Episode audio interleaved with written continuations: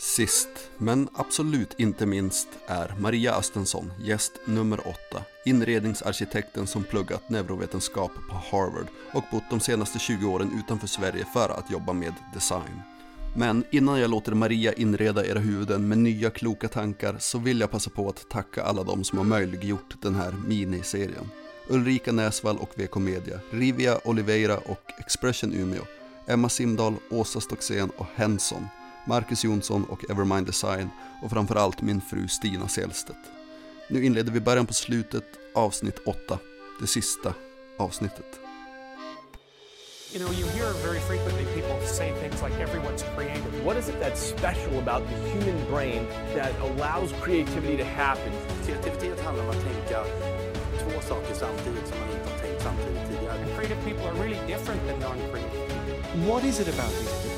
Det här går att träna upp. Antingen man säga att kreativitet är någonting som är jävla magiskt, eller så är det ju inte magiskt alls. We are all And that's why creativity, seeing differently, always begins in the same way. It begins with a question. What is creativity? Maria Östensson, Hej. hur är läget? Det är bara fint. Ja, härligt. Du, eh, jag ska gå rakt på sak. Jag såg ett klipp med dig. Jag tror att det var Expression, eh, Expression Umeå som hade gjort ett inslag om dig och det du gör. Um, och där sa du att du har fått frågan om du är produktdesigner eller inredningsdesigner. Men att du inte riktigt gillar att sätta din kreativitet i ett fack. Och det är någonting som jag själv kan relatera till väldigt mycket. Um, hur fri känner du att du är i, i ditt skapande? Alltså gör du det som faller dig in? Oavsett om du har gjort det tidigare eller inte. Mm. Där är en intressant fråga tycker jag. Ehm, jag tror i allmänhet att egentligen människor vill kategorisera saker och ting. För vi har ett behov av att känna struktur och ordning. Men jag tänker att just kreativitet är ju liksom en organisk existens. Och jag menar, även hur man tänker för att vara kreativ handlar ju mycket om att kunna tänka. Jag brukar säga att jag är en krullig människa. för det är liksom, det går åt sidorna, det går upp och ner, lite grann som ett spiderweb. Okej. Ehm, sen just det här liksom, vilken typ av kreatör är du? Jag tror att är man kreatör så är man kreatör. Och då spelar det ingen roll om en dag man målar en tavla eller en annan dag man syr ett plagg eller gör om ett rum. Mm. Sen tror jag att alla människor är kreativa mer eller mindre. Mm. Vi har ett behov Mm. av att vara kreativ. Ehm, jag tror till och med att det är en fundamental pelare Mm. i den liksom mänskliga existensen att få vara kreativ. Mm. Jo, men jag håller med och har börjat inse det mer och mer eh, ju fler folk jag har pratat med om det här att förmodligen har varit en rätt här, viktig del i människans utveckling att vi har bara som samhälle tagit oss hit. Ehm, så att ja, det är nog helt fundamentalt. Men jag tycker att det är så himla intressant det du sa att man inte vill sätta eh, sin kreativitet i ett fack. För där kan jag i alla fall känna att jag har varit um, fel ute tror jag från början. För då var jag som nästan irriterad på mig själv för att jag gjorde så många olika saker. Och tyckte att så här, ja, men, det känns jobbigt att, man inte är så, att jag inte är så tydlig i det jag gör. Att så här, ja, men, ena dagen så då sitter jag och ska försöka spela in musik och andra dagen så ska jag måla och sen ska jag skriva någonting. Att det är som så här, jag vet inte. Att jag har nog bara velat vara så här tydlig. Men har ju nu då börjat inse allt allt mer att men är man kreatör så är man kreatör främst. Ja, och samtidigt kan ju det också vara delvis ett, ett problem. Just, jag förstår, jag kan relatera till det du säger. För att samtidigt, liksom, man, för att fullfölja någonting måste man ju som gå ett rakt spår framåt för att komma i mål. Och så när man liksom håller på, ja men nu är jag en liten dutt här, nu är jag en liten dutt där. Ja men idag har jag lust med det här och idag har jag lust med det där. Liksom. kan ju också göra att man är lite överallt och ingenstans. Mm. Verkligen. Men um, ja, det känns som att jag har tusen frågor. Både väldigt så konkreta men också lite mer flummiga. Kör hårt. Ja, men jag tänker att vi ska ändå börja med att vara lite konkreta och sen kan vi sväva iväg. Eh, Vill du berätta om vem du är, vad du heter och vad du gör? Eller vad du heter, det har vi ju redan kommit Ja. fram till. Ja men gud. Eh, ja, jag kommer ju från Umeå ursprungligen.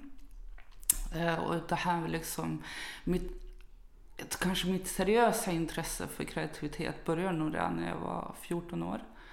Eh, och ville ju bli konstnär. Eller dansare var jag inne på också. Konstnär eller dansare, ja. Men jag fick ju liksom höra från släkt och de runt omkring, ja men du måste ju ha ett riktigt jobb. Det där kan du ju inte hålla på med liksom. Vill du inte jobba på bank eller någonting sånt, sa farmor till exempel. Eh, men sen då, jag var ju väldigt nyfiken. Jag är fortfarande väldigt nyfiken. Jag vill liksom, man är ju aldrig fullärd. Det är Mm. det som är så härligt. Det finns alltid mer och djupare saker du kan ta dig an. Så jag var ju liksom jättesugen på att åka iväg från och se världen. Och då tänkte jag så här, vart kan jag åka för att se världen? Vart händer det mycket saker? Ja men London, där händer det mycket saker. Så jag drog ju dit när jag var ganska ung, jag var väl 17-18. Och tänkte väl inte så mer, mycket mer än att jag ville ha äventyr. Men jag blev ju kvar, jag har ju varit borta i 20 år. Så att det ena ledde till andra. Jag började plugga, där började jag plugga liksom. Eh, jag läste först eh, till kläddesigner, alltså textil och mode. Och tänkte väl, ja men det kan jag ju liksom ha ett riktigt jobb med och det är ju ändå kreativt. Så jag började väl liksom min, min karriär inom det kreativa med det. Mm. Ehm, och sen så, ja, med tiden så flyttade jag även över sen till Barcelona där jag blev kvar i sex år. Sen flyttade jag tillbaka till London. Eh, ja, och som jag nämnde tidigare, jag har ju rest väldigt mycket. Då via jobbet liksom, jobbat runt. Och när jag bodde i Barcelona blev jag anställd som textildesigner för ett företag, ett internationellt företag. Som då gjorde heminredningstextil. Mm. Så det var väl där jag halkade in på den här inredningsbanan. Mm. Ehm, jag fick också ett annat wake-up call när jag jobbade med det och det var ju miljöfrågorna Okej. som ligger mig väldigt varmt, eller varmt, kallt, jag vet inte, varmt eller kallt, eh, om hjärtat. Eh, För vi skickade ju iväg våra design till Asien där allting producerades. Och så skickade ju de det tillbaka till Europa för att vi skulle godkänna men färg och liksom formgivning. Och då var ju inte de färdigbehandlade för slutkonsumenten. Mm. Och det var ju som att sitta på en bensinstation när vi öppnade de här proverna. Det stank. För nästan alla fibrer, eller det är ju gjort av polyester och polyester är gjort av olja. Ja, Alltså det är ju bensin. Så, så det var ju vidrigt. Så sjukt när du säger det på det sättet. Ja. Bensin. Du och jag kan prata länge om det. en t-shirt har 0,6 kilo kemikalier i sig. En t-shirt. Det är liksom över ett halv, nästan ett halvt paket liters eh, kilo socker. Mm. Ja, ja, men vi ska komma in på den frågan, hållbarhet och, och design. Men eh, ja, alltså du har ju väldigt många spännande saker på ditt CV får man säga. Textildesigner som du sa, imagekonsult, eh, ja, men inredningsarkitekt, artistic director, creative head of textiles. Sen har du pluggat eh, neurovetenskap Ja. vid Harvard. Ehm, kursföreståndare. Många olika saker, men det är också en ganska tydlig gemensam nämnare och det är väl egentligen design, designen i det hela. Um, men har du någon gång under resans gång känt dig lite så här vilsen och tappat riktning? Eller har det alltid funnits ett ganska tydligt mål att så här, det här, det vill jag göra? Mm. Ja, men alltså när jag, när jag blev gravid i London, då hade jag just flyttat tillbaka från Barcelona. Jag blev ju mamma när jag var rätt gammal egentligen, eller gammal, vad är det? Men jag var ju 35 när jag blev gravid och fick ju panik. det var som, hur ska jag kunna vara förälder? Hur ska jag liksom, för med kreativitet och leva på det, det är väl kanske rent ekonomiskt inte den mest stabila, eller det är absolut inte den mest stabila branschen. Det är väldigt upp och ner. Och när man jobbar i projekt, alltså jag gillar ju att vara fri också, jag har ju svårt att vara anställd.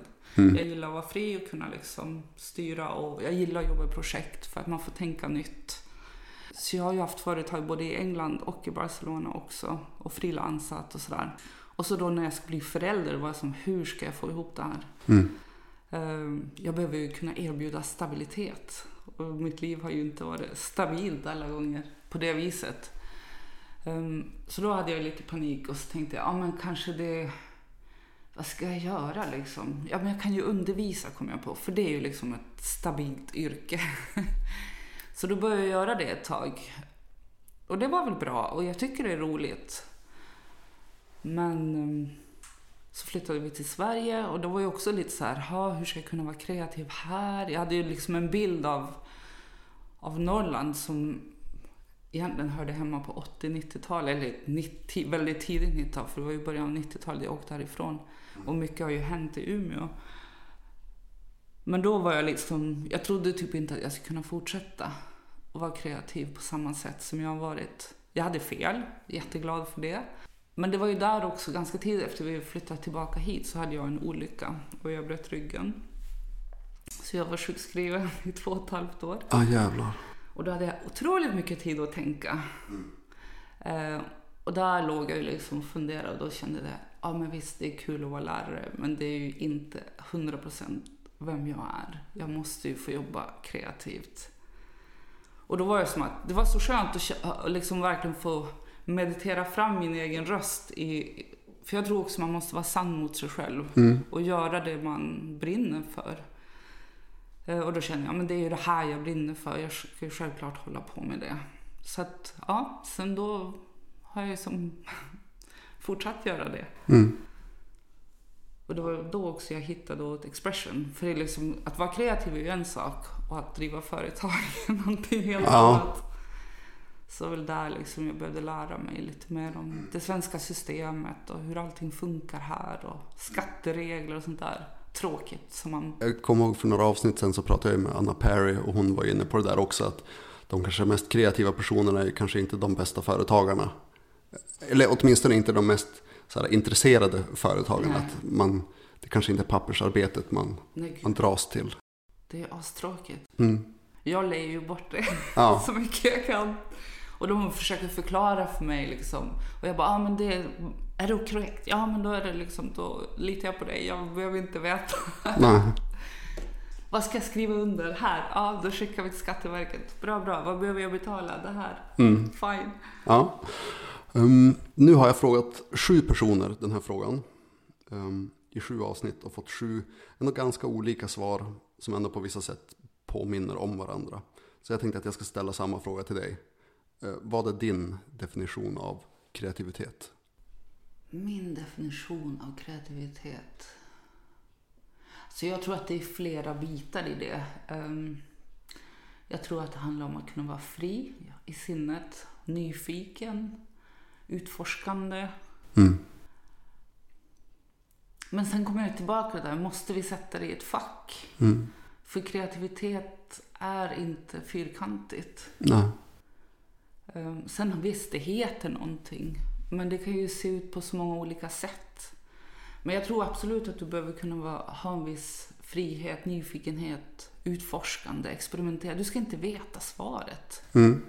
Egentligen ifall du börjar liksom ett kreativt projekt och så vet du svaret från början, då har du inte, då har du inte gett dig hän. Du har ju liksom inte låtit det...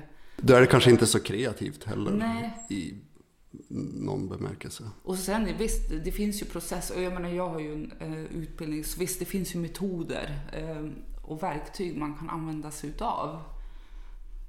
Men sen ibland, du får ju idéer. Alltså jag får ju, ska jag få en krona för alla idéer jag hade, ska jag vara rikare än Joakim von Anka. Eh, Du kan ju få idéer, men sen måste du ju fylla på också. Men det där kommer ju, det kopplar ju tillbaka till att vara nyfiken, att vilja utforska. Mm. Um, titta runt, ha ögonen öppna. Mm. Ja, intressant. Eh, definitivt inte ett svar jag har hört tidigare. Vi- Vilket är väldigt kul och väldigt intressant att alla har som ja, men sin egna tolkning av, tolkning av kreativitet och vad det är och vad det kan vara och vad det innebär. Ehm, det känns som att inredning och kanske den typ av design som du jobbar med, det handlar ganska mycket om att se potentialen i saker. Eh, eller potentialen i platser eller ytor. Kan, kan du direkt säga om någonting är svårt ehm, eller inte att inreda eller styla eller vad man ska säga? Får du den känslan direkt att oh, det här blir tufft? Nej, alltså jag tycker ju liksom tufft är ju bra. Ja, om det är så också. jag gillar ju utmaningar. Och sen tänker jag, för mig, inredning är ju eh, egentligen det är ju en 3D-canvas. Mm. Jag är ju personligen per se inte liksom någon inredningsnörd. Och jag, det där kan jag ju brottas lite grann med, för jag tror att det finns i folkmun en viss uppfattning av vad inredning är. Det, ja, det tror jag. Men jag är ju inte intresserad av inredning för det. Nej. Jag är ju intresserad av vad det gör med människan. Jag är intresserad av psykologin, sociologi. Eh, och det är ju därför jag också har läst den här neurovetenskapliga. För att förstå hur hjärnan fungerar. Hur svarar vi liksom till färg? För det gör vi. Det är medfött att vi svarar till färg. Mm. Eh, och sen tidigare så, jag menar, jag kunde ju liksom färgpsykologi och den biten. Men liksom rent fysiskt, vad händer i människan? Varför svarar vi som vi gör? Och, och vi har ju liksom delar av hjärnan som är väldigt liksom prehistoric. Vi lever ju kvar, alltså vi har ju bitar från vår uppfattning från savannens tid liksom. Mm. Det finns ju, man kan ju säga att det finns en tryggaste plats i rummet och det har ju att göra med att vi inte vill känna att vi ska bli överfallen bakifrån. Och, Ja, just det.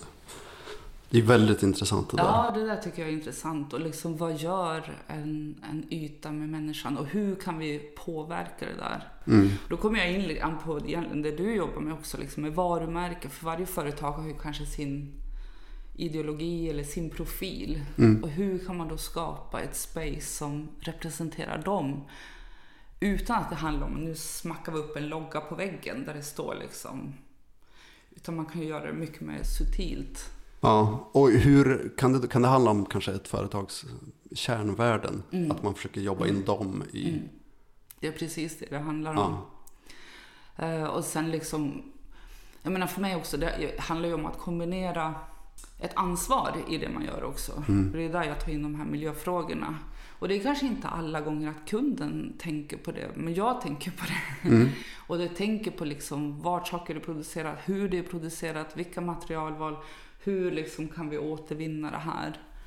Eh, För att det där är ju också ett annat sätt att påverka människan.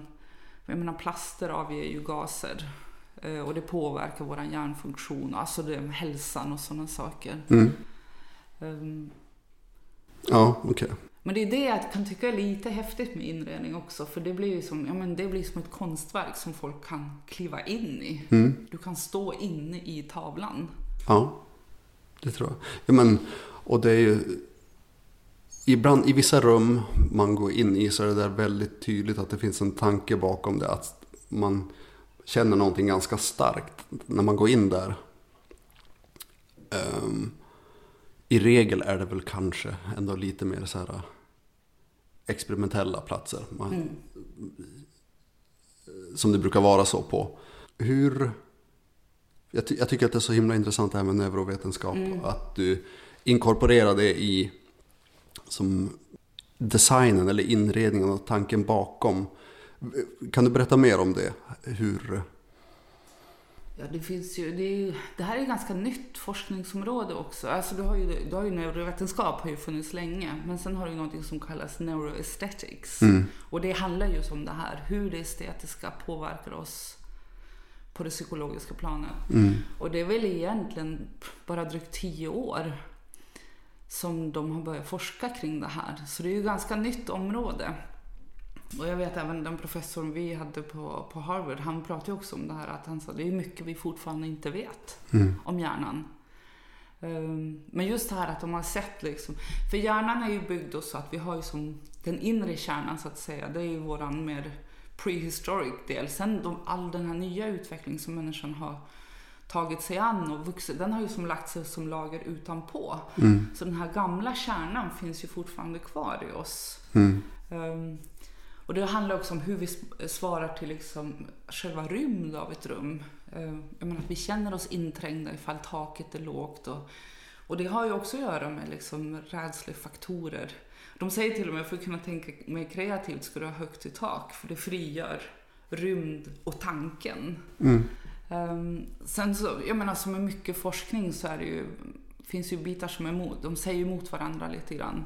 De är ju inte alltid överens. Nej. Ehm, och sen så mycket av det här kopplas ju också till våra känslor.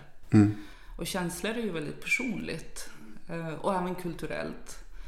Och samma sak är det ju med färgpsykologi. Jag menar, färger och de associationer vi lägger på till en färg är ju kopplat till dina erfarenheter, din uppväxt, din kultur. Jag menar, varför klär vi oss i svart?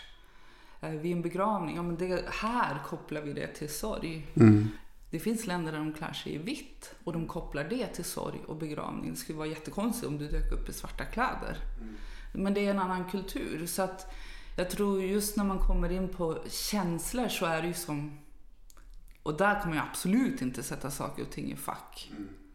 För det är så himla individuellt. Så det finns ju kanske inte ett svar som passar alla. Nej. Men det är ju samma sak ifall du tittar på konst till exempel. Din upplevelse av, av ett konstverk kommer ju inte kanske vara samma som din kollegas upplevelse av ett konstverk. Nej men exakt. Och det är där friheten kommer in också, både i tolkning och i skapandet. Nu har det blivit dags för en hälsning från våra vänner på kommunikationsbyrån Henson. De är verkligen intresserade av det här med västerbottnisk kreativitet och innovation. I de här åtta avsnitten så kommer de att göra korta nedslag i vår kreativa historia. Vi ska få höra om olika västerbottniska innovationer och påhitt som har förändrat världen i både stort och smått på 15 sekunder. Häng med när vi lämnar över till Henson. Året var 1952 när bröderna Nils och Lennart Bergmark startade företag i Ersmark utanför Byske. Futurum började tillverka fläktar och resten är historia med mer än 6 miljoner köksfläktar tillverkade. Ja, ett superfint bevis på den norrländska kreativiteten. Tack så mycket Henson. Vi ska återigen bli lite så här konkreta. Jag är nyfiken på vad du tittar efter i en miljö, eller i ett rum. Um, vilka element, så att säga, som du kikar på. När du försöker hitta någonting att så här, lyfta eller fokusera på. Eller kanske bara försöka så här, lägga upp en plan för hur det kan se ut. Sen förstår jag att det kanske inte alltid handlar om att så här, framhäva och lyfta saker i en miljö. Utan det, man kanske ska tillföra något helt nytt. Men vad, vad brukar vara det första du tittar på eller tittar efter? Men jag tittar väl på, alltså rummet, rummet blir ju en ram. Mm. Ehm, och det har ju med mått att göra, alltså vilken storlek är det? Och vad kan man rymma? Mm. Ehm, och sen ljuset är ju också väldigt viktigt. För ljuset påverkar också hur vi... Menar, utan ljus ska vi ju inte se färg överhuvudtaget. Ljus är ju färg. Så att, men är det, ligger det i norr eller söder läge? Är det varmt eller kallt ljus? Men måtten är ju absolut avgörande för du har ju någonting, nu går jag in på engelska, jag vet inte ens riktigt vad det svenska ordet är. Kör bara.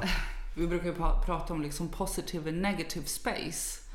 Och för man tänker positiv, det är ju objekten, alltså förgrund av någonting. And the negative space är tomrummet. Mm. Eh, Och tomrummet är ju minst lika viktigt som det man fyller. För fyller du för mycket, då får inte ögonen någonstans att andas. Nej, det är väl sant. Ja. Då blir det bara ett plotter, alltså det blir Ja. bara stressig miljö också. Du måste ju balansera det där med... Ja, sen förstås kan du ju plocka in element, för det är ju samma sak där. Vad finns det för element? Ja, men du har textur, du har linjer, du har form. Har jag ett, eh, och ett rum är ju oftast fyrkantigt, eller det är ju så här man-made. Mm. Det är ju sällan det är cirkulärt eller ja, ser ut Ja. som en blombukett. Nej, men jag vet. Eh, och då vill man ju kanske balansera ut det där med någonting. Mm. Så att du både får liksom symmetri, heter det? Osymmetri. Asymmetri. Asymmetri. Du hör liksom, jag har så här svenska, eh, engelska termer. Uh, nej, men att du även får liksom eh, organiska former kan ju också göra att du tar bort det där fyrkantiga lite grann. Men det är ju vad man plockar in sen. Mm. Men rummets yta sätter ju, det blir ju ramen. Vad rymmer det, du där inne? Mm. Är du duktig på att eh, visualisera? Du är det? För duktig. Okej. Men du, du vet, du har en ganska tydlig bild av hur någonting ska se ut innan det ens är klart eller påbörjat. Nej. Och det vill jag inte ha heller. Okej. Eh, Utan det är en process. Jo men självklart kan jag ha en bild. Man kan ju se, alltså jag är ju lite yrkesskadad. Jag ser ju alltid skavsåren först. Ah, Men det ser jag även i färdiga projekt. mm, okej. Så det är nästan jobbigt. ja, det är inte bra. Nej men visst är jag duktig på att visualisera men samtidigt vill jag inte heller gå händelserna i förväg. Nej, utan det måste få leva sitt eget liv. Mm. För det blir ju bättre då. Och sen kommer man ju in på det här, precis som ditt program heter. Kill your darlings. För ibland kan man säga åh det här blir ascoolt, världens bästa idé och det kommer bli så läckert. Och li-" Men sen klart, med, med sån här typ av kreativitet som, som jag jobbar med nu. Det är ju, du har ju tekniska aspekter du ska ta in. Tyvärr. Ekonomi. Alltså vad finns det för budget? För jag menar klart, hade du all tid i världen och världens fetaste budget så kan du ju gå bananas och ha jättekul. Men någonstans så sätter ju det stopp. Det är oftast tid och pengar som sätter stopp. Hur jobbar du med idéer? Skulle du säga. Mm. Skriver du ner dem? Har du dem i huvudet? Både och. Ehm, Men jag måste ju skriva ner saker också. Ja. För ibland kan man ju ligga så här klockan halv tre på natten. Åh, ja, ja, det där. Och så tänker jag att jag ska komma ihåg det till nästa morgon. Men då efter jag har gjort mina timmars sömn så bara, vad var det jag tänkte i natt? Så jag brukar kanske ha ett anteckningsbok nära till hands eller skriva det på mobilen. För det går väldigt fort. Alltså, det kommer väldigt snabbt. Ehm, men det är ju inte alltid att de, det är färdiga idéer. Nej, nej. Och sen kanske man måste testa de där idéerna också. För då kanske du kommer tillbaka, okej, ja men jag vill att det ska se ut så här, men hur ska vi lösa det? Vilket material ska vi använda? Vilken teknik ska vi använda? Hur ser men, ehm, processen ut efter det? Efter du har idén på något sätt nedtecknad? Eller Ja, skissar du? Jag skissar, jag ritar i datorn. Men det kan vara olika. Det kan vara liksom collage, det kan vara Moodboards? Ja, moodboards absolut. Men det är också för att jag behöver kunna kommunicera sen idén till andra. Mm. För även om jag kanske ser det i huvudet så är det ingen annan som ser det. Nej. Ehm, Så det också handlar ju om att kunna kommunicera på ett tydligt sätt. Mm. För jag tror, har du, kan du visuellt visa det bra. Och, och jag ser ju också, är det visuellt bra på pappret då brukar det oftast bli rätt schysst i... Oj, kanske ska slänga ut den här. Det brukar bli... Ja, men man, när man pratar om design, liksom, får, har du en design på papper som poppar ut, att den, den lever, ehm, då brukar, brukar resultatet bli rätt schysst. Mm.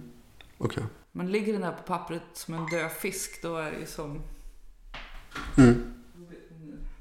Man har med sig vissa trådar som behöver plugga. Uh, nej men visst, liksom, man, vill ju, man vill ju testa den där idén. Mm. Och, och ibland så var den inte alls så bra som du hade föreställt dig. Så det handlar ju också om att kunna utveckla ett kritiskt tänkande. Ja. Och det är svårt. Ja, men man blir ju bättre på Mm. det. Jo, jo, absolut. Det är definitivt någonting man kan träna på. Ehm, hur är du med eh, prestationsångest? När tvivlar du mest på din egen förmåga? Jag har ju, när jag var yngre så hade jag ju väldigt mycket av det. Och det tror jag många kreatörer eh, brottas med. Mm. Ehm, men med tiden så har det ju förstås blivit bättre. Och det har väl att göra med att jag har så pass mycket erfarenhet nu. Att jag vågar lita på mig själv. Och även om jag inte vet hur jag ska lösa det så tänker jag, ja men på ett eller annat sätt så löser jag det.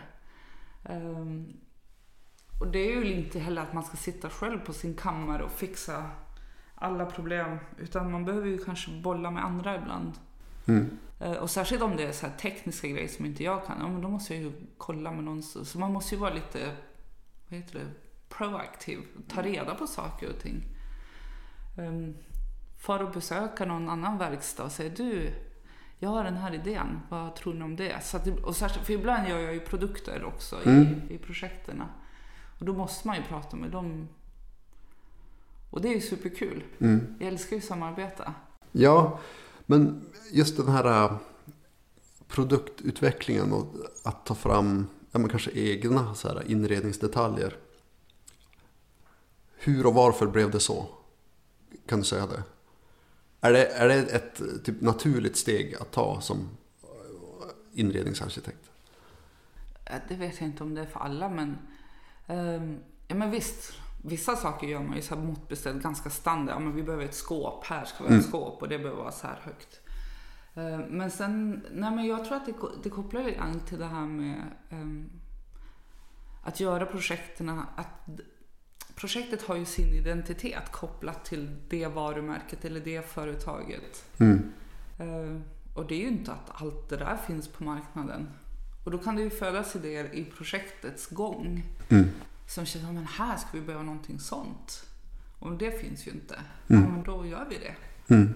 Ehm, och sen tror jag också att det är kul att göra någonting personligt. Alltså att projektet får någonting unikt. Mm.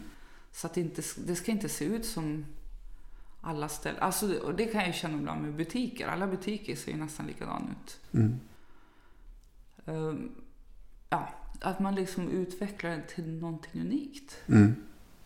Skulle du vilja göra mer av det? Kanske har ni redan nya saker på gång. Men Ja, jag håller på med några projekt. Men visst, jag Ja. menar, jag, det tar aldrig slut. Min, min största stress är hur ska jag hinna allt jag vill innan jag dör? Aha, okej. Vad roligt ändå. Vill inte du göra mer? Jo, men allt. Hela tiden. Alltså, ett dygn har inte nog många timmar. Jag vet. Jag, särskilt nu när jag börjar måla mer och mer och verkligen fastnat Ja. i det. Eh, och... Nej men, jag får inte nog. Alltså det det är flera olika saker på gång. Och så ska man försöka hinna med allt annat. Ja, men man är förälder. Ja. Eh, det, ja, Ja, det tar aldrig slut. Men det är ju jätteroligt också. Det är ju en lyx att ha saker som, alltså roliga saker som bara står på kö. Att man kan ta tag i dem. Um, du har ju nämnt, jag minns inte om det var innan vi började spela in eller bara nu alldeles nyligen. Men du nämnde att du målar också, eller åtminstone har gjort. Um, är det någonting du fortfarande gör eller försöker göra? Ja, alltså. Det är ju samma som du säger. Det är ju den där med tid. Mm. Ehm, och klart nu i och med att jag säljer tjänst. Mm. Min kreativitet säljer jag ju som tjänst. Och det är ju också att sätta mat på bordet. Så har man uppdrag så går ju det före. Mm. Ehm, men visst, jag har målat dem där till exempel. Mm. Ehm, Jättefina. jag har ju en, en studio nere i källaren. Ja, okej. Som nu kanske mer ser ut som ett halvförråd. Ehm, Men det är också det där att man ska ju hinna... Och klart, jag vill ju finnas till för mina barn också. Mm. Och de har aktivitet och nu ska vi fara på hockeyträning, nu ska vi på det och och-. Så att det är klart, det tar ju också tid. Mm. Jag gjorde ju säkert mer innan jag blev förälder. Jag har ju hållit på ganska mycket med konst och gjort utställningar och skulptur. Jag jobbar ganska mycket med så tredimensionella Ja, okej. ehm, grejer och det är ju superkul. Sen så kanske det är lättare att, eller i varje fall för mig har varit lättare att ta betalt för mina designtjänster. Mm. Nu har jag, jag har sålt konst också men inte i samma omfång Mm. som design. okej.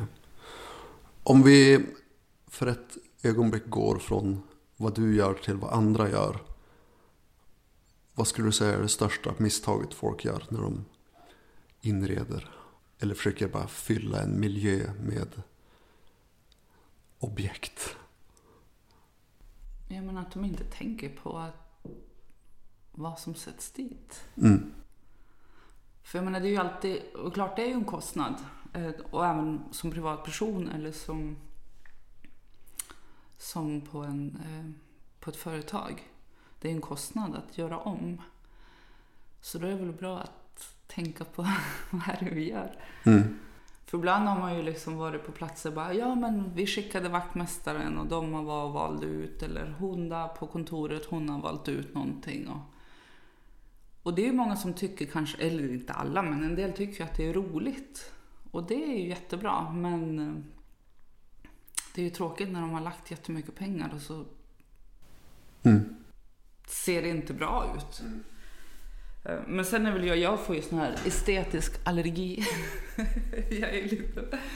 Men det är väl för att man håller på med det här så länge och, och man kan lite, ja det finns ju liksom, inte regler, men det finns ju riktlinjer du kan luta dig emot. Mm. Vad funkar tillsammans? Och jag menar även med färger och med material och textur och Ljus. ljus. Ehm, Och även placering. Mm. Vart du placeras gör ju ganska stor skillnad. Och Även om man inte tänker på, ja men flyttar jag den där asken dit och vänder den så. Så du ser det på ett annat sätt. Och det är en sån liten grej. Men det gör skillnad. Skulle du säga att de, alla de här reglerna och förhållningssätten och sitter det ganska inbyggt i, i ryggraden nu? Att nu Ja, för mig gör det ju Ja. det. Ja. Men ibland fastnar man ju på grejer också. Bara, jag vet inte, blir det bättre så här eller blir det bättre så där? Och det kan ju också ha att göra med att, för oftast när man ska installera någonting. Jag brukar säga, vi är ju lite grann, eh, man, man är sist in på ett bygge. För först ska ju liksom stommen byggas, målarna ska vara där. Alltså allt det där ska ju göras innan man får gå dit. Och, och det kan vara ganska tajt om tid. Ehm, och det är nog mer än en gång jag har varit vaken hela natten för att bli klar i tid. Ehm, och klart, klockan fyra på morgonen kanske man inte har samma omdöme som när du är nyvaken. Eh, Så det kan ju också påverka att det blir svårt att ta beslut ibland. Så fastnar man lite grann. Plus att det där att man blir lite perfektionist. Så här, den estetiska polisen bara, nej vad fasen, det där duger inte, nej. Ja, jag fattar. Har du en affärsidé inom de kulturella, kreativa och konstnärliga näringarna och vill utveckla den till ett hållbart företag? Då ska du ta kontakt med företagsinkubatorn Expression Umeå. En av dem som har fått hjälp med att utveckla sin idé är Erik på Momotion, som vi nu ska få en hälsning från. Tjaba! Erik Modin från Mo Motion här. Jag har valt att utveckla min affärsidé hos Expression Umeå. Förutom att utmanas av mina affärscoacher får jag möjlighet att workshoppa med branschexperter, sitta i en kreativ och härlig coworkingmiljö och kanske bäst av allt vara en del av ett större community. För mer info, besök expressionumea.se. Expression Umeå. Creative Minds Unite. Finns det några kreatörer som du ser upp till extra mycket? Ja, men gud, det finns ju så många. Men man kanske går i perioder också. Och så blir det lite grann det där. Det har väl också att göra med det här att upptäcka. Ehm, och klart någon du känner till. Och man gillar dem kanske för av olika anledningar. Ehm, en del kanske jag tycker har ett extremt intressant budskap. Alltså hur de tänker, tanken bakom kan vara ju superspännande. Och en del kanske liksom är väldigt stark estetisk. Men det är ju inte alltid det liksom... Ja men du vet, man ska bara tänka, ah vad snyggt. Nej, det handlar inte bara om det. Ibland behöver det inte alls vara så snyggt, men det kan vara superintressant. Eller väldigt politiskt laddat. Så jag gillar ju också liksom politiska frågor. Och det är väl det också som är roligt med konst tycker jag. För de kan vara och peta i saker och ting som kanske inte alltid är politiskt korrekt. och även om det kanske kan vara stötande för en del så väcker det en reaktion. Och det där tror jag är bra för att annars kanske vi går runt som sovande zombisar. Och vi ska väl inte hela tiden vara bekväm heller. Vi måste ju ifrågasätta. Um, Ja, och det tycker jag liksom konst lyckas väldigt bra med. Mm. Och det är som tillåtet att göra det där. Alltså jag hämtar väldigt mycket inspiration från konst. Mm. Okej. Eh, Nu har det väl varit lite resor det här senaste året. Eller typ inga resor. Knappt. Inte ens till Skellefteå. Ehm, Men som när man är ute och reser också. Du, och bara träffa människor överlag. Och hur de tänker och reagerar och interagerar. Tycker jag är inspirerande. Mm. Okej. Jag såg en intervju med dig, jag tror det var på Facebook i något sammanhang. Där sa du att i princip allt är design. Allt som vi ser omkring oss. Är det lite så du ser på världen? Nej, för du har ju naturen också. Mm. Och den är väl egentligen starkare. Mm. Ehm, sen ska väl vi leva i någon sorts symbios med varandra. Ehm, men klart, alla, alla man-made things, det är ju någon som har bestämt. Mm. Någon människa har sagt, ja men det där skåpet ska vara vitt. Den där hyllan ska vara mint. Den där ska ha den här formen. Sen, sen kan man ju fråga sig, är det bra design eller dålig design? Mm. Men det är ju designat av någon. Hur me- medveten är du när du går in i ett nytt rum om hur... Alltså, är du arbetsskadad i det där?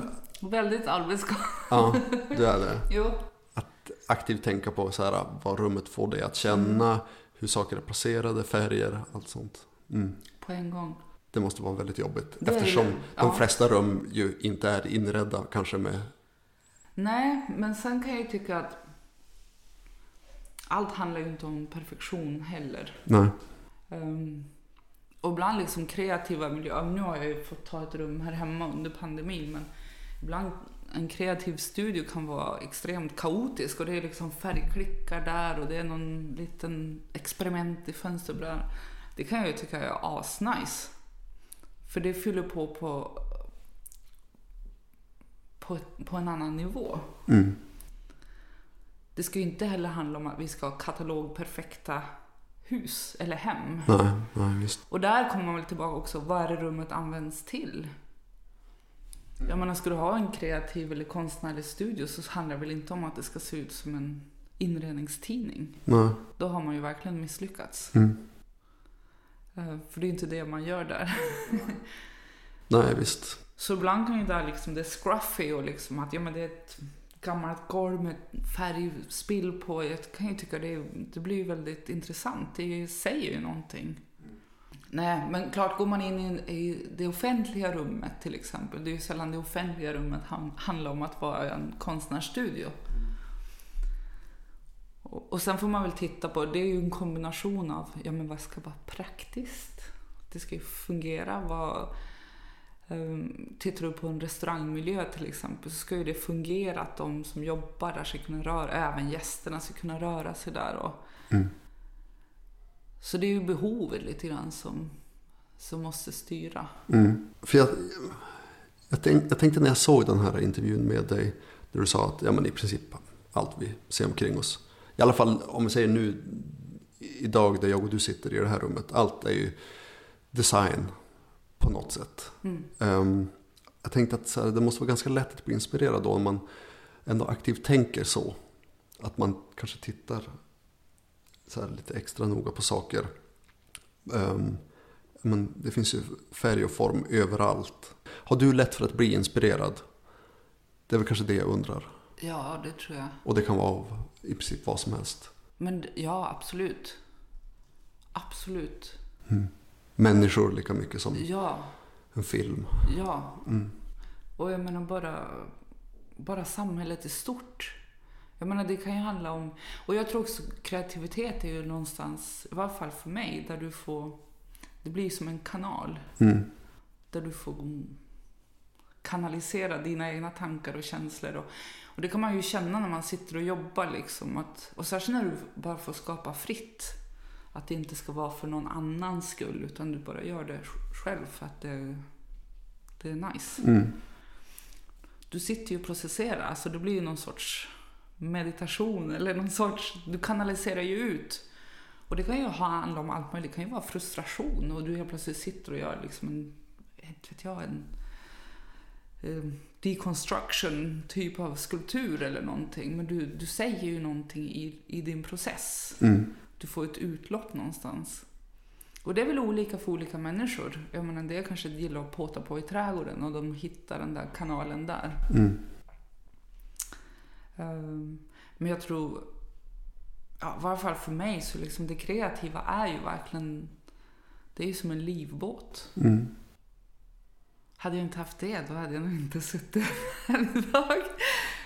Ja, fint. Att få liksom, det blir, du andas ju i det där. Alltså Mm. det blir en själslig andning på något sätt. Ja, ja verkligen.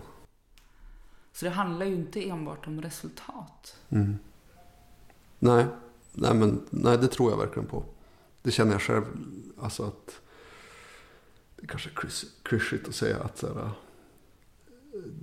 resan är mycket Mm. viktigare än, det. än, än vart man hamnar. Um, Men, men det är ju lite så.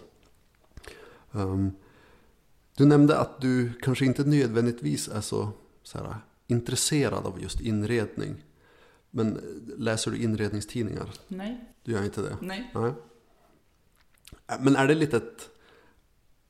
Har det bara att göra med ointresset eller är det också lite ett aktivt val att så här, inte titta för mycket på vad andra gör? Så Så jag vet inte. Men för mig handlar det inte om det egentligen. Nej. Sen är man väl medveten. Alltså, och klart, jag brukar ju vara på mässor och sånt. Så Mm. man ser ju vad det kommer för typ produkter eller... Inte för att de förändras jättemycket från år till år utan... Och sen kommer jag i och för sig i grunden från, eh, från modebranschen.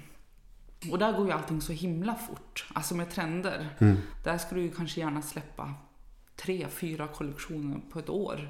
Och det är ju, det är ju väldigt snabba processer från att föda idéer, testa dem, producera dem och få ut dem till, Mm.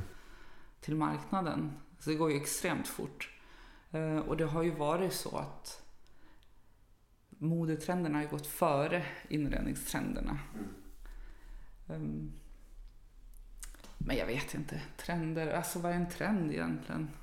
Man skapar ju trender också. Alltså det, finns ju, det finns ju byråer runt om i världen som jobbar med att ta fram trender och påverka. Mm. Sen har du ju trendspanare som reser runt och kollar. Och de kollar ju mycket på, på samhället. På, de kollar på människor, subcultures. Och då är det ju inte att jag åker till liksom en perfekt Lidingös-ort. Utan du kanske är och kollar på ungdomarna och liksom, hur klär de sig och vad, vad finns det för tendenser? Man tittar även på liksom politik, man tittar på samhällsförändring. Så att jag menar, det föds ju lite överallt. Så jag tror det handlar om att vara, vara vaken. Mm. Ha öron och ögon öppna, var intresserad, var nyfiken. Det är ju samma sak där liksom. Och du tar ju in saker hela tiden. Jo. Om du vill. Ja, ja men absolut. Ja, det är väldigt intressant ändå. Men jag känner att jag börjar förstå ditt- så här, ditt förhållande till typ inredning. Att det kanske inte nödvändigtvis handlar så mycket om inredning. Utan det är snarare design och hur vi kän- känner. Ja. Eh, som kanske är det främsta ledet. Känner du ändå att du har en, en stil? Eh, och då tänker jag då alltså, jag, jag tror att du förstår vad jag menar. Men jag förtydligar ändå. Alltså en personlig stil i ditt skapande, din design. Eh, Jag har nog kanske det. Eh, sen så tror jag att beroende på, i och med att jag jobbar på uppdrag, så beroende på uppdraget så tar den stilen sig olika uttryck. Mm. Um, för klart, det är ju inte samma sak som att göra... Vet, en del kanske vill ha någonting väldigt cleant och minimalistiskt och en del kanske vill ha, ah, vi vill ha någonting väldigt som sticker ut och färgstarkt. Och, och klart, då, blir det, då ser det ju inte likadant ut. nej, Ehm, nej, nej. men jag har dem i min omgivning som säger, ja men jag såg att det var du som hade gjort det där, för det var din stil. Mm. Då blir jag så här, okej, har jag en stil? Ja, jag kanske har en stil. Ja. Eh, Men det var kanske de som har känt mig länge och varit med och sett liksom Mm. min kreativa resa. Att de kan ta igen. Eh, Men för jag förstår att det, det blir svårt om jag ska be dig beskriva den. Men om jag skulle fråga någon av dem som har känt dig länge. Hur, vad tror du att de skulle säga? Eller varför tror du att de kan pinpointa och säga att ja, men jag förstod nog att det var du som hade gjort den där. Gud vad svårt. Ja, Jag vet inte om jag kan svara på det. nej, nej det är inget du... Jag ska fråga dem. Mm. Nu blev jag nyfiken själv. Ja. Vad är det liksom? Ja, jag vet inte. Men det, eller så kanske det bara får finnas lite magi i det där. Du kanske inte behöver få veta exakt vad det är. Man kanske blir alldeles för så självmedveten då. Ja. Jag vet inte. Ja, men det är väldigt intressant med stilar. För det är någonting jag har frågat andra om också. Om hur de eh, skulle beskriva sin stil. Och det är, det är jättesvårt att svara på. Nästan alla gånger jag har ställt den frågan, som till Anna Perry till exempel, så kastade hon den tillbaka till mig och- bad mig förklara. Kan beskriva. du det då? Nej. Nej. Alltså, det, nej men det är jättesvårt. Ja. Det blir ju så otroligt förenklat. Ja, Jag vet inte. Så, ja, jag vet inte. Det är jätteintressant egentligen. Vad är det man dras till? Eller vad är det man vill uttrycka? Mm. Ja. Ehm, hur stor plats skulle du säga att lekfullhet har i ditt skapande? Ja men gud, jättestor plats. Mm. Eh, för det är ju som, jag menar, tittar du på barn är ju så extremt kreativa. För de är så extremt fri. Mm. Det är väldigt häftigt. Det är ju jättehäftigt. Sen tror jag liksom folk tappar ju det där för att man börjar bli, ja men du vet. Mm. Eh, man blir på något sätt hämmad man ska göra rätt eller göra bort sig och jag tror att det var till och med, om jag inte minns fel, var ju Picasso som sa det liksom att alla barn är ju kreativa. Det är ju liksom det där att kunna behålla barnet inom sig som gör att vi kan fortsätta vara kreativa. Mm. Och det, jag tror det ligger väldigt mycket i det där. Och vad är barn då? Ja, men de är ju lekfulla. Mm. Och kopplar man det vidare så är ja men lekfullhet är ju, någon, det är ju en frihet. Mm. Att inte liksom begränsa sig. Precis. Och det kopplar ju också till att vara nyfiken. Alltså jag tror att det där hänger ihop. Mm. Det, ja, faktiskt. Men egentligen har vi ju haft det. Alla har ju haft det. För Jo. alla har ju varit barn. Jo, visst. Men sen är det inte alla som är intresserade och det får man ju respektera också. Det är kanske inte alla som vill bejaka det, den sidan i sig själv. Mm. Vi är ju olika. Um, Men vill man det så tror jag gärna att det finns där. Det handlar väl om att hitta tillbaka eller inte stänga ner Mm. barnet inom dig. Men, du för, men du försöker vara så lekfull och fri som möjligt och försöka strunta i, vad ska man säga, konventioner. Alltså bara göra din grej och sen... Ja, Mm. absolut. Ja, Leka är ju kul. det är det. Det är ju skitkul. Mm. Ehm, nu tänker jag att vi ska komma in på, ehm, för det är något du har nämnt lite här och var. Jag vet både du personligen men också företaget som du driver att ni pratar mycket om hållbarhet Ja. kopplat till design. Vill du berätta och förtydliga hur design kan vara hållbar eller inte? Eh, Jag menar, design handlar ju också om att ta beslut. Mm. Ska jag göra det på det här viset eller ska jag göra det på det där viset? Och jag menar, valmöjligheten är ju ganska stor. Den är ju Mm. nästan oändlig. Så det handlar ju liksom om att försöka ta kloka beslut. Men hållbarhet på design, visst du kan ju titta på själva produkten och hur den är gjord och vilka material. Men sen kan du ju också absolut fundera på vart den är gjord. Mm. Ehm, och, sen, och där är lite, där är lite en fallgrop egentligen. För nu kommer vi tillbaka till ekonomi. Och jag vill absolut inte prata om ekonomi egentligen. Men folk gillar ju sånt som är billigt. Och man får liksom, man känner att man har vunnit någonting om du kan köpa mycket som är billigt. Och bara, ah, det var jättebilligt. Men det där är ju en fara egentligen. För billigt är ju någon annan som betalar för. Mm. Och vart kommer alla billiga produkter ifrån? Mm, Och nu vet jag inte riktigt hur det är i andra länder, men jag tror att det är mycket, mycket som produceras i Kina. Mm.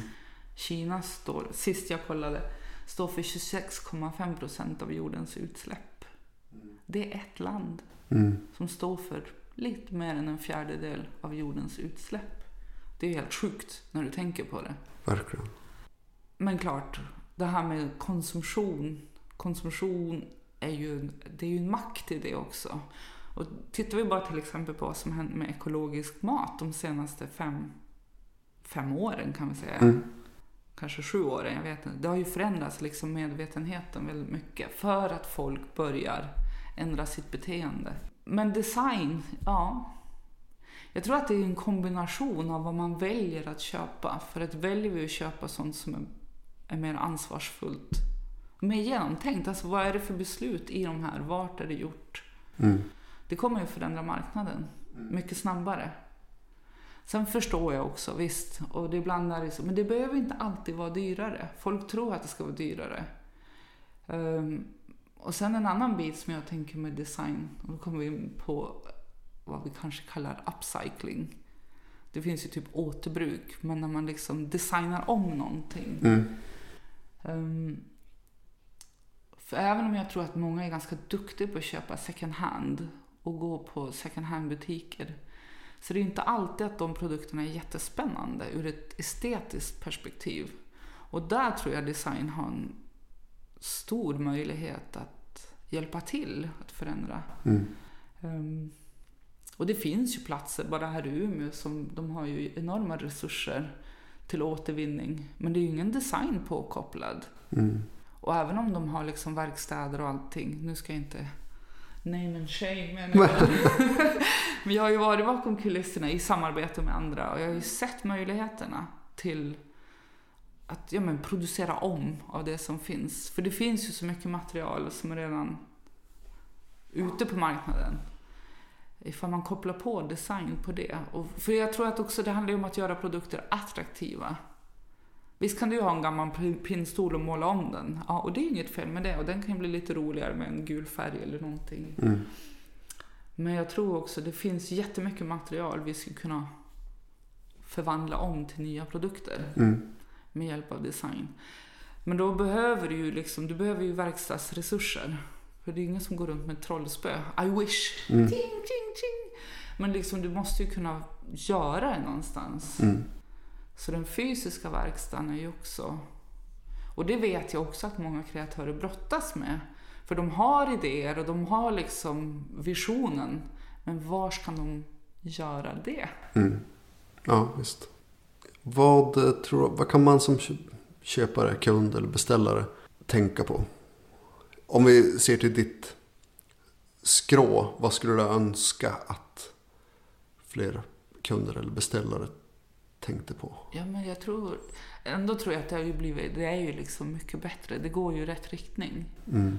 Ehm, Men det måste ju fortfarande hända och vara ganska vanligt att man kanske vill ta de billiga genvägarna. Ja, det är ju det. Och jag har ju till och med haft kunder som, när jag har liksom sagt att ja, men, det här blir jättebra för det här. Och det är också därför jag har gjort egendesignade produkter. Mm. För då har man ju 100% kontroll egentligen. Och du kan jobba med lokala hantverkare. Och det jag ser liksom win-win i det, för då kan man ju också hålla dem vid liv. För de Mm. har ju också ett uppdrag och jobb. Ehm, Mm. Och det finns ju en hållbarhet i det också. Ja, och du kan välja Samhällelig. ut materialen och du kan välja material som går att åter... För problemet ibland med återvinning är att det är så många material hopblandade. Mm. Så det är svårt att sära ut dem. Ehm, så att försöka jobba liksom lite mer rent med material. Att du håller dig till några, vissa specifika material, eller helst bara ett.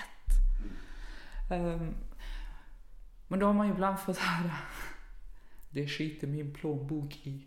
De vill ändå ha det billigare liksom. Ehm, Mm. och jag tror också att, jag menar det här är ju ändå på kanske, det måste ju finnas riktlinjer även ovanifrån så att säga.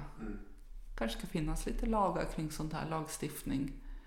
Eh, hur, hur mycket av konsumtion på företagsnivå men, men som sagt, jag tror att det är på det... Ja, alltså jag, eller jag tror, jag vet att det går åt rätt håll. Mm.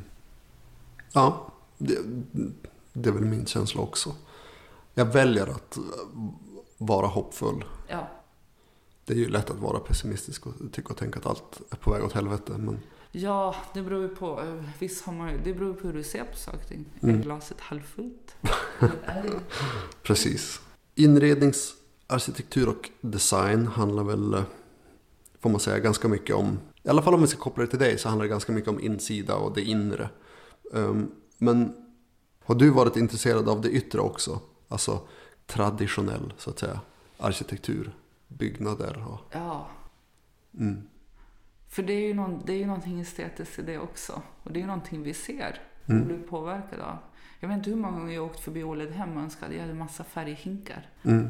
Tänk om du bara fick måla om hela det området i massa olika färger. Mm. Det skulle bli en helt annan upplevelse. Mm. Även fast det kan ju ha, jag menar, det kan ju ha sin charm, men ur ett arkitektoniskt synpunkt så är det ju inte så spännande att titta på. Nej, nej, det får man väl erkänna är ju att det inte ganska är liksom boxar sådär. Plain. Ja. Och där tänker jag liksom bara med färg hade man ju kunnat göra en ganska stor förändring. Mm. Ja, ja, men precis. Och jag menar, vem blir inte påverkad av en häftig arkitektur? Ja, ja men verkligen. Man kan ju bli helt golvad. Ja. Och det finns ju ett spann i det också. Jag kan ju älska gamla trähus. Mm. Och de med sin snickarglädje och liksom Västerbotten, de är ju så fina. Mm. Det här avskalade trä, såpade trägolv, det, det kan ju vara fantastiskt. Men sen kan du ju titta på en jättemodern byggnad med sina glaspartier och med ljussättning, alltså bara av det naturliga ljuset som är fantastiska också. Mm. Så visst, arkitektur är ju jättespännande. Mm. Undrar om jag hinner jobba med det. Ja. Jag måste nog plugga lite mer. Ja, ja men för, för du har ganska mycket studier i bagaget. Ja, men jag älskar ju att plugga.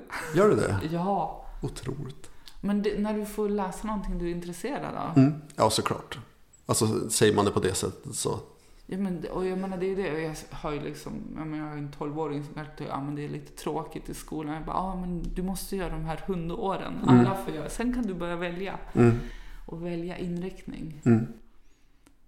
Jag menar, det är ju som, och även om du inte pluggar på universitet eller en kurs ehm, så älskar jag ju att läsa och lära mig saker. Och, och sen med internet, vi kommer ju åt så mycket. Ibland blir jag nästan stressad. Hur ska jag hinna med? Det här var intressant, det här var intressant. Och klockan är tre på morgonen, jag måste sova. Ja. Det finns ju så mycket kul. Jo, ja, men det gör det. Vad har du för råd till personen som vill bli inredningsarkitekt eller jobba med inredning på något sätt? Hur kan man börja? Vad är första steget? Måste man plugga? Nej, eller jo. Det beror på vilket sätt du vill jobba. Mm. Ehm, jag tror att det är ändå ganska många, och särskilt i det här landet. Det är asmånga som är typ intresserade av inredning. Mm, verkligen. Och jag blev så här förvånad när jag flyttade hit. Jag bara, men gud. Men sen började jag tänka på det. Klart, och då hade jag också bott över sex år i Barcelona där man typ alltid umgås utomhus. Mm. Du träffar ju dina vänner utomhus. Okej. Ehm, och jag tror att det har att göra med klimatet. För här spenderar man väldigt mycket tid inomhus. Man spenderar mycket tid i sina hem. Det är kallt, det är mörkt, det är ruggigt. Och klart, då kanske hemmet blir viktigt. Mm. Jag menar i Spanien är de inte alls lika intresserade. Alltså så här, Man vill ha det fint men det är inte så mycket nej, mer. så. inte ens det. Man, man spenderar typ ingenting. Man är hemma och sover och kanske äter någon gång. That's it. Men allt umgänge är liksom, det är på gatan, på beachen, i någon bar eller... Ja. Vad intressant. Det är ett annat beteende. Mm. Men klart det är varmt, det är skönt, du kan vara ute. Ja, ja, såklart. Gå på restaurang är billigare också. Mm. Ehm, Så man umgås ju väldigt mycket utanför sitt hem. Mm. Den snabbaste vägen in i branschen kanske ändå är att på något plugga eller... Ja, det, alltså ska du jobba med det liksom på, på en seriös nivå, då tror jag du behöver studier. Mm. Absolut. Mm. Men det är ju också för att du ska få lite verktyg. Och jag menar, och just inredningsarkitektur är ju lite... För det är ju inte bara färg och form. Nej. Alltså du måste ju kunna... Det är ju matte också. Mm. Eh, Och du jobbar ju i skala. Du måste ju kunna räkna på saker och ting. Mm. Det är inte bara att ha lite känsla och höfta och ah, det blir snyggt med en fåtölj Nej, där. Nej. Nej. Nej. Jag förstår ju det. Men ja, okej. Jag har frågat många andra vad, vad de gör för att utvecklas. Och skulle vilja fråga dig det också. Ehm, kanske dels både så här inom det du gör men också bara i största allmänhet för att bli bättre. Vad, vad skulle du säga behövs för att man ska bli en bättre inredare eller designer eller kreatör? Är det en fråga om mängden intryck man ger sig själv? Ja. Dels det, men också det här liksom att, att experimentera, att våga göra fel. Mm. Fel är bra. Ehm, för man lär sig någonting i processen. Egentligen, det är då man lär sig mest. Vad fan, det gick åt helvete. Mm. Ehm, men att få de där insikterna och våga liksom våga vara utanför den trygga zonen. Mm. Men sen, ja men du måste ju fylla på också. Och jag tror ju också att, jag menar att röra på det, att, inte menar jag typ gå och springa utan, även om det kanske är bra. Men att resa tror jag är jättebra. Mm. Ehm, nu har jag också, jag reser ju härifrån också i varje fall, även om nu är det ju mer korta. Mm. Ehm, men jag tror att det är bra att vara i, och det, då hamnar vi ju lite grann utanför våran box, vi hamnar ju utanför våran egen kultur. Mm. Och jag tror att det är jättespännande att vara där utanför ramen. Mm. Det krävs ju en del mod också. Ja. Men, det, Men som kreatör, men det, jag tycker att det är intressant det du säger. Att man måste våga göra fel. För det tror jag verkligen på. Och jag tror också att det är viktigt att i det läget fråga sig själv. Varför blev det fel? Ja. Vad är det som är fel med det här? Varför blev det inte som jag Absolut. hade tänkt För jag mig? tror att den där analytiska dialogen Mm. med sig själv är superviktig. Mm. Och det är ju också någonting man tränar upp. För ju mer du gör det, desto lättare blir det. Mm. För ibland ser du att någonting är fel, eller du är missnöjd med någonting. Och visst kan man ju fastna i den känslan. Bara, det här ser inte bra ut, eller det här blev inte bra. Men varför? Mm. Jo, exakt. Och där tror jag att mångas instinkt kanske säger, alltså om vi som exempel tar att man sitter och man ska göra en liten skulptur, man kanske har lite lera hemma, ska sitta och göra någonting och så blir det skit av alltihop, det går åt helvete. Den första instinkten hos många tror jag är att bara Mm. mosa ihop det. Mm. Ja. Men att då kanske hellre i första hand fundera på ja, men varför blev det inte Ja, och sen tror jag det, det är ett annat ben i det där också. Ehm, work with the mistakes. Mm. Gör någonting utav det då. Och det kan ju vara, jag inte vet jag, att du kanske gör en teckning och du är missnöjd. Ja, men vad kan det bli då? då? Ska jag göra ett collage av den? Ja, men jag gillar den här biten, jag kanske klipper ut den. Och så. så att du fortsätter vara kreativ Mm. med... Det är ett bra och spännande sätt att så här, överraska sig själv. Man hamnar någonstans där man verkligen inte hade tänkt. Många av de bästa idéerna eller verken kanske kommer lite grann utifrån det. Att man även själv som kreatör överraskas av det man... Jag vet inte, nu killgissar jag, det är ju en teori från kosmos. Men eh, det känns lite så. Att, Ja, men gå vidare liksom. ja. Och där, är- det är också att vara kreativ tror jag. Att inte liksom, att du blir låst där och då. Mm. Att du knövlar ihop det eller liksom. Ja. Du kanske ska sätta upp leran med lite metallbitar och vad händer då liksom? Så att du lå- det är därför jag kan tänka att det kreativa är någonting organiskt. Låt det växa. Mm. Låt det leva sitt eget liv. Följ med på resan. Mm, visst. Vad... eh, Kan du komma ihåg det sämsta rådet som du har fått? Sämsta rådet? Mm. Ja men gud. Sämsta rådet? Inom det kreativa? Ja, om, du, om du kan. Annars kanske i största allmänhet. Men sämsta rådet är att inte hålla på med det. Okej. Och- Men det fick man ju liksom, kanske som liten, bara nej, nej, nej. Mm. Det där är ju ingen väg att gå. Det var ju nog det sämsta. Och jag hade med mig det ganska länge. Ja. Eh, Så jag bara, ah, okej, jag måste typ ha ett riktigt jobb. Jag måste bli någonting riktigt. Mm. Och det var kanske därför också jag hamnade med, eh, med kläddesign först, tänkte jag. För det kändes mest eh, Ja, riktigt. och jag tänkte det när jag hade kommit in liksom på den utbildningen. Jag bara, ah, men det är ändå någonting riktigt. Nästan som att jobba på bank. Det, ja, precis. men gud, tänk att jobba på bank. Jag hade ju dött. Mm. Sen finns det ju de som älskar det och det är ju fantastiskt. eh, För då kan ju de ta hand om den, den biten. Visst, och det finns ju sätt att vara kreativ Ja. när man jobbar på en bank också. Men min bankkvinna, hon är underbar. Eh, Hon sitter på Handelsbanken. Mm. Eh, Och hon är ju superintresserad av inredning. Ja. Vi har till och med pratat om färgerna hemma. Hon har en Västerbottensgård. Och hon sa, ja men när det går riktigt bra för dig, då vill jag komma och jobba med dig. Jag bara, ah, okej, jag vill också att du kommer, men då får du fortfarande hand om ekonomin. Ja. Mm. Men jag får ju många jag jobbar med som säger liksom, men jag vill jobba med, jag vill jobba med kreativt. Alltså de som är så här i, Mm. i andra branscher. Ja, nu spårar jag ur lite grann, men ja. ja. men sämsta rådet, ja men det är nog det. Att inte göra det. För det är ingenting riktigt. Mm. Och då kanske vi kommer till det bästa rådet. Kan det vara att man ska go for it. Of course. Mm. Egentligen. Det är bara du själv som håller dig tillbaka. Ja. Eh, Det är söndag. Klockan är tio i fyra. Vi har spelat in i nästan två timmar. Det har varit väldigt trevligt och inspirerande att prata med dig. Eh, Tusen, tusen tack för att Ja, du tog dig tid. Eh, Ja, Så vad säger vi? vad säger vi? Mer kreativitet åt världen. Ja. Jag hade nog inte kunnat tänka mig, tror jag, att det skulle kunna bli ett bättre slut än det jag just landade i med Maria. Kör bara, go for it. Jag, jag, tror inte att man ska vänta på inspiration, på uppmuntran, rätt material, rätt verktyg, rätt publik, att stjärnorna ska linjeras så du ska få precis rätt omständigheter. Jag tror att det handlar om att sätta igång, utan självcensur, och att göra det på sitt eget sätt.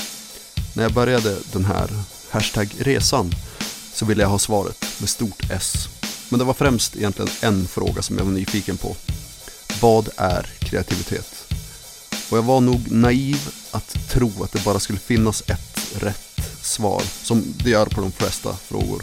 Eh, men jag fick ju mycket mer än ett svar och jag fick svar på mycket mer än det jag frågade om. Kreativitet, det är att vara nyfiken. Att se bortom det som finns framför en. Att leta efter något nytt. Kanske på ett tomt papper, på ett piano, en träbit, en vägg, ett problem. Eh, det är mitt svar. Jag tror inte heller att det behöver vara ditt. För det finns lika många svar som det finns kreatörer, har jag upptäckt. Och just därför så tror jag att den här miniserien som egentligen bara skulle få vara åtta avsnitt kanske ska få en fortsättning. För att det finns just mer av allt. Så ja, men vi kör en säsong två med nya kreatörer, nya svar. Det här var mitt Sommar i P1 och nu ska ni få höra en låt som knyter an till det jag just har pratat om. På det där härliga, övertydliga sättet som bara får åstadkommas i ett sommarprat. Tack för att du har lyssnat och trevlig sommar.